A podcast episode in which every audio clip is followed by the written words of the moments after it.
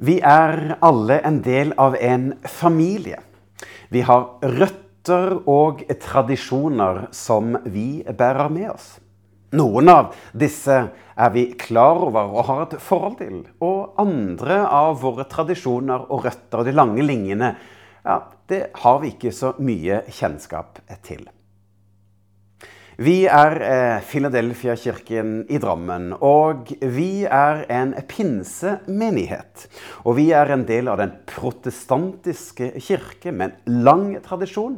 Men som pinsemenighet er vi òg en del av pinsevekkelsens historie, som har en litt kortere historie. Og i dag så har jeg kalt min preken for 'Vekk vekkelsen i Asusa Street. Og jeg har lyst til å ta deg med til begynnelsen av pinsevekkelsen tidlig på 1900-tallet. For å ta deg med inn i noe som kan være med å gi inspirasjon for den tiden vi lever i i dag. Og dette er en del av en serie med prekener med fokus på Den hellige ånd. Ja, jeg, Jarle Valdemar og Sten Sørensen har skrevet en bok som heter 'Den hellige ånd i vår tid'. Og Med bakgrunn i denne boka så er dette min tredje preken. Den første preken het 'Hvem er Den hellige ånd?' Så hadde jeg en preken om eh, åndsfylde, åndsdåp og tungetale. Og nå så går vi altså tilbake igjen inn i pinsevekkelsens historie for å få fram noen nøkler som jeg tror vi trenger å ta med oss i en tid som denne. Og jeg skal til samme bibelvers som ved forrige preken, men skal se på den siste delen av dette verset. Og verset er ifra Apostlenes gjerninger, kapittel 1 og vers 8, hvor det står Men dere skal få kraft når Den hellige ånd kommer over dere. Og dere skal være vitner om meg i Jerusalem, i hele Judea, Samaria og helt til jordens ende. Ja, Den hellige ånd skal altså gi oss kraft til å være hans vitner i Jerusalem, Judea, Samaria og til jordens ende. Ja, men hva vil da dette si i vår tid? Hva er vårt Jerusalem? Hva er vårt Judea og Samaria og jordens ende? For én måte å se dette på, det er å si at Jerusalem er vårt vår hjemby, altså stedet som vi bor i. Ja, der vi tilbringer vårt dagligliv. Vår hverdag. Judea, ja, det er området eller fylket, som regionen som vi er en del av. At vi kan få lov til å være Jesu vitner i det området som vi bor i. Og så kan Samaria det kan være vårt naboland. For Samaria var jo nettopp nabodelen eh, til eh, dette store fylket eller området Judea. Så Samaria, vårt Samaria kan få lov til å være våre naboland, eller kanskje Europa, altså den verdensdel som vi er en del av. Og så kan vi til slutt òg være hans vitner helt til jordens ende, altså til fjerne himmelstrøk, for å nå ut med hans godhet og hans evangelium. Og disiplene de fikk kraft. Kraft til å være hans vitner. Og det kan vi òg få. Og Derfor så ønsker jeg å få lov å gå tilbake igjen til pinsevekkelsens begynnelse. En vekkelse som fikk internasjonalt preg, som har påvirket menneskers Jerusalem, Judea, Samaria og helt til jordens ende. For det er noe med dette Guds rike, dette opp-ned-riket, hvor eh, den siste skal bli den første, og den siste skal bli den første. Og motsatt. Og vekkelsen i Asusa Street i Los Angeles i starten av 1900-tallet har klare paralleller til da Gud selv ble menneske. Jesus født i Betlehem. For den pinsekarismatiske vekkelse oppsto i dette lokalet i Asusa Street nummer 312, som rett og slett var en nedlagt stall. Og midt i vekkelsen så sto en hyrde, eller en pastor, som like gjerne kan sammenlignes med Betlehemsmarkens gjetere som sto lavest på rangstigen. For mannen vi prater om, er afroamerikaneren som ble utestengt fra offentlige områder pga. sin mørke hudfarge. En som haltet, og en som var blind på det ene øyet. Og mannen vi prater om, heter William Joseph Seymour. William Seymour ble en katalysator for den pinsekarismatiske vekkelsen i det 20. århundre. Og fra en liten nedlagt stall i eh, Azusa Street i Los Angeles så ble dette et senter for vekkelse. Samtidig så ble Amerikas eh, harde raseskille utfordret. For her møttes både hvite, svarte, spanjoler, amerikanere og europeere for å tilbe Gud. Og sentralt i møtene sto bønn og lovsang og dåpen i Den hellige ånd med tungetale som et tegn. Og det tok ikke lang tid før det kom mennesker fra hele Amerika og andre kontinenter for å oppleve denne åndsutgytelsen, som ligner på denne vi leser om i apostlenes gjerninger på pinsedagen. For selv om selve vekkelsen i Asusa Street ikke varte så lenge, så har denne vekkelsen blitt eh, et velkjent ord i mange kristne sammenhenger. Og man kunne ha løftet opp ulike fakkelbærere som på sett og vis har båret denne flammen videre, som gjør at den landet i Asusa Street. Og Det kan du lese mer om i denne boken vår 'Den hellige ånd i vår tid'. Men Vekkelsen i Asusa Street blir altså regnet som pinsevekkelsens begynnelse. Det var her pinsekraften og dåpen i Den hellige ånd virkelig fikk sitt gjennombrudd og fikk denne verdensvide betydningen. Og William Joseph Seymour han ble født i 1870 i Louisiana i sørstatene. Hans foreldre var nylig blitt satt fri fra slaveri. Og som afroamerikaner så fikk da Seymour oppleve rasemessig segregering.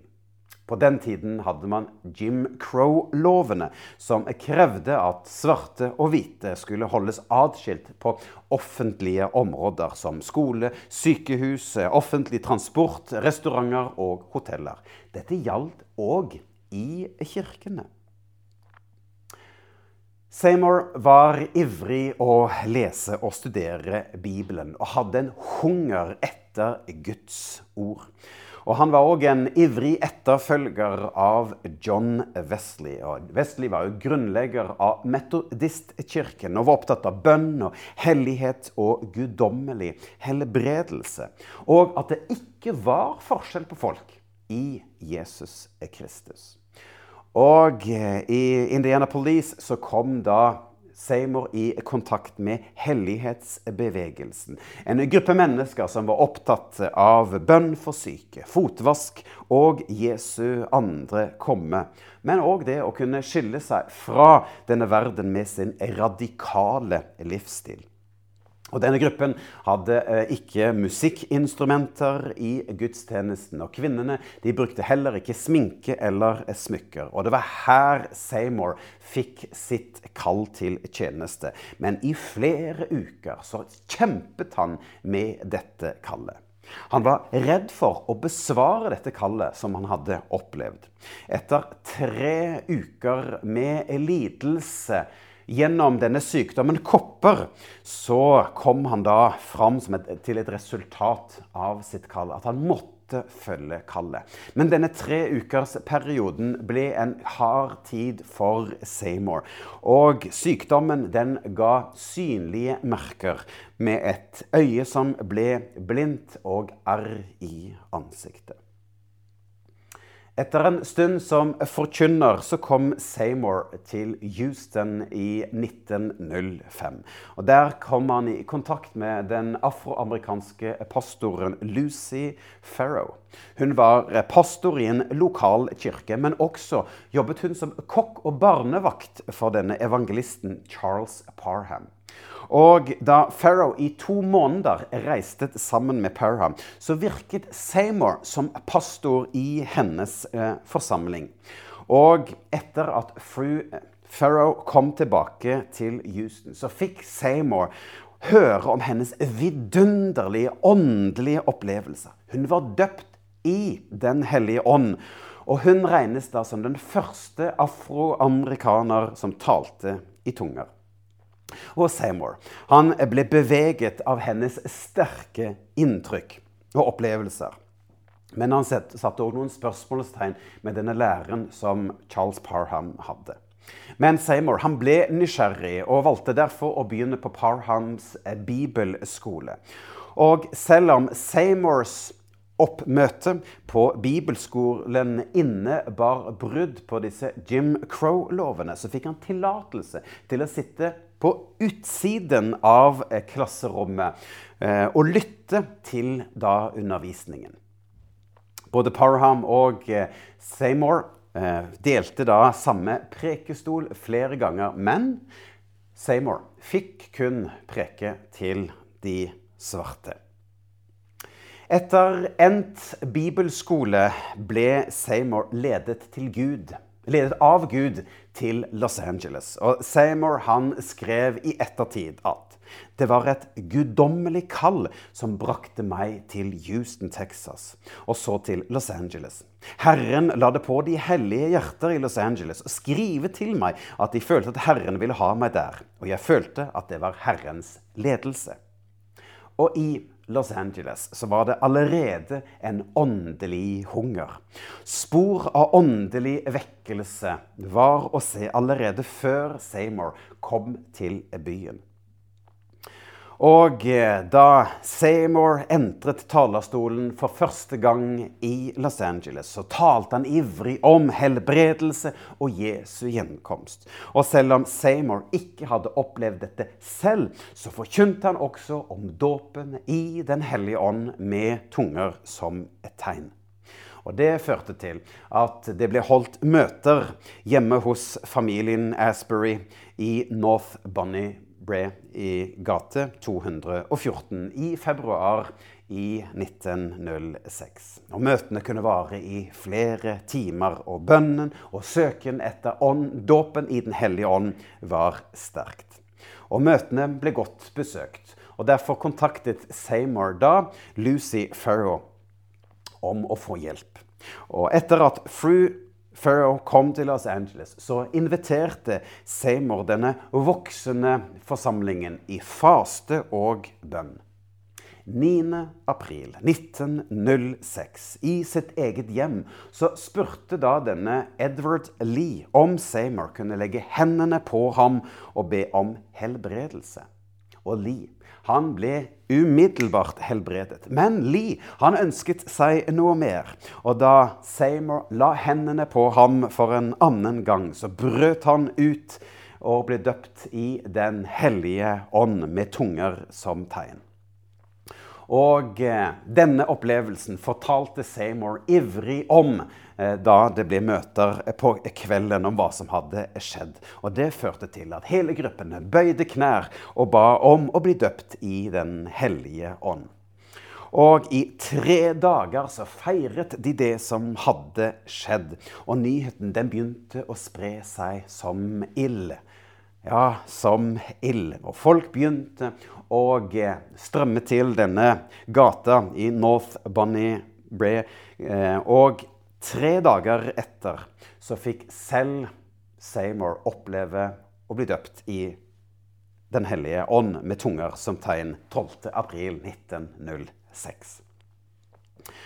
Og eh, mengder av mennesker ble nå samlet, og det førte, til at eh, lokalene ble for små. Og Seymour og hans ledere fant at de måtte finne et nytt eh, lokale. Og da fant de en gammel, nedlagt metodistkirke. I andre etasje var det omgjort til leiligheter. Og eh, i, eh, men etasjen var ødelagt pga. en brann. Første etasje var omgjort til en stall. Vinduene var knust, og taket så hang det bare enkle lyspærer. Og det var her man begynte å restaurere og ha dugnad for å kunne starte med å ha samlinger i Asusa Street 312. Det var her den pinsekarismatiske vekkelse fikk sitt gjennombrudd. 12. Nei, 14. april i 1906 så kunne William Joseph Seymour invitere til det første vekkelsesmøtet i Asusa Street. Og det sies at Seymour han selv satt bak to tomme skoesker med hodet bøyd inn i denne esken under møtet i bønn. Det var ikke noe musikkinstrumenter eller sangbøker, ikke noe program, og møtene bar preg av stor spontanitet. Noen sang en sang, etterfulgt at noen ga et vitnesbyrd. Deretter var det en salvet person som reiste seg opp og delte fra Guds ord. Frelsesinnbydelsen kunne komme når som helst i møte. Og I denne gamle, nedslitte bygningen i Asusa Street så kom det alle mennesker av alle slags raser og kjønn og aldre. Man kunne få møter opptil 10-12 timer. Her kom både menn og kvinner og barn. Svarte, hvite, asiatiske, amerikanske urfolk, innvandrere, rike, fattige, analfabeter og utdannede mennesker sammen for å tilbe. Og ånden var sterkt til stede. Mange talte i tunger, og gråt var òg vanlig. Og forsamlingen vokste raskt. Flere hundre mennesker kom til Asusa Street for å høre evangeliet og oppleve dåpen i Den hellige ånd. Noen kom i nysgjerrighet, andre var skeptiske og kritiske. Noen hadde en genuin hunger etter mer av Gud. Og det sies at man kunne føle på kroppen Guds kraft i lokalet i Asusa Street, og til og med på utsiden. Flere ble døpt i Den hellige ånd på utsiden av lokalet. Og det kunne være samlet flere tusen mennesker i og rundt lokalene i Asusa Street nummer 312. Det kom mennesker fra hele det eh, amerikanske kontinentet, men òg fra andre kontinenter. Og denne vekkelsen i Asusa Street den fikk altså internasjonalt preg. Det ble et internasjonalt møtested. Og selv om vekkelsen kun varte i tre år, fra 1906 til 1909, så fikk denne vekkelsen verdensvid betydning. Og denne vekkelsen ble starten på pinsevekkelsen, som ligner på det vi leser om i Apostlenes gjerninger, kapittel 2, om da ånden falt på pinsedag.